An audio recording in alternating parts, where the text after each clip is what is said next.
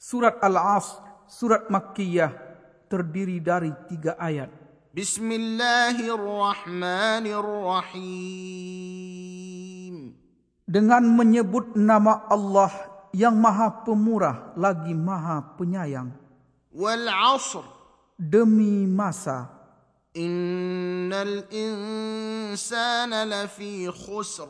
Sesungguhnya manusia itu benar-benar berada dalam kerugian. إلا الذين آمنوا وعملوا الصالحات وتواصوا بالحق وتواصوا بالصبر kecuali orang-orang yang beriman dan mengerjakan amal saleh dan nasihat menasihati supaya mentaati kebenaran. Dan nasihat menasihati supaya menetapi kesabaran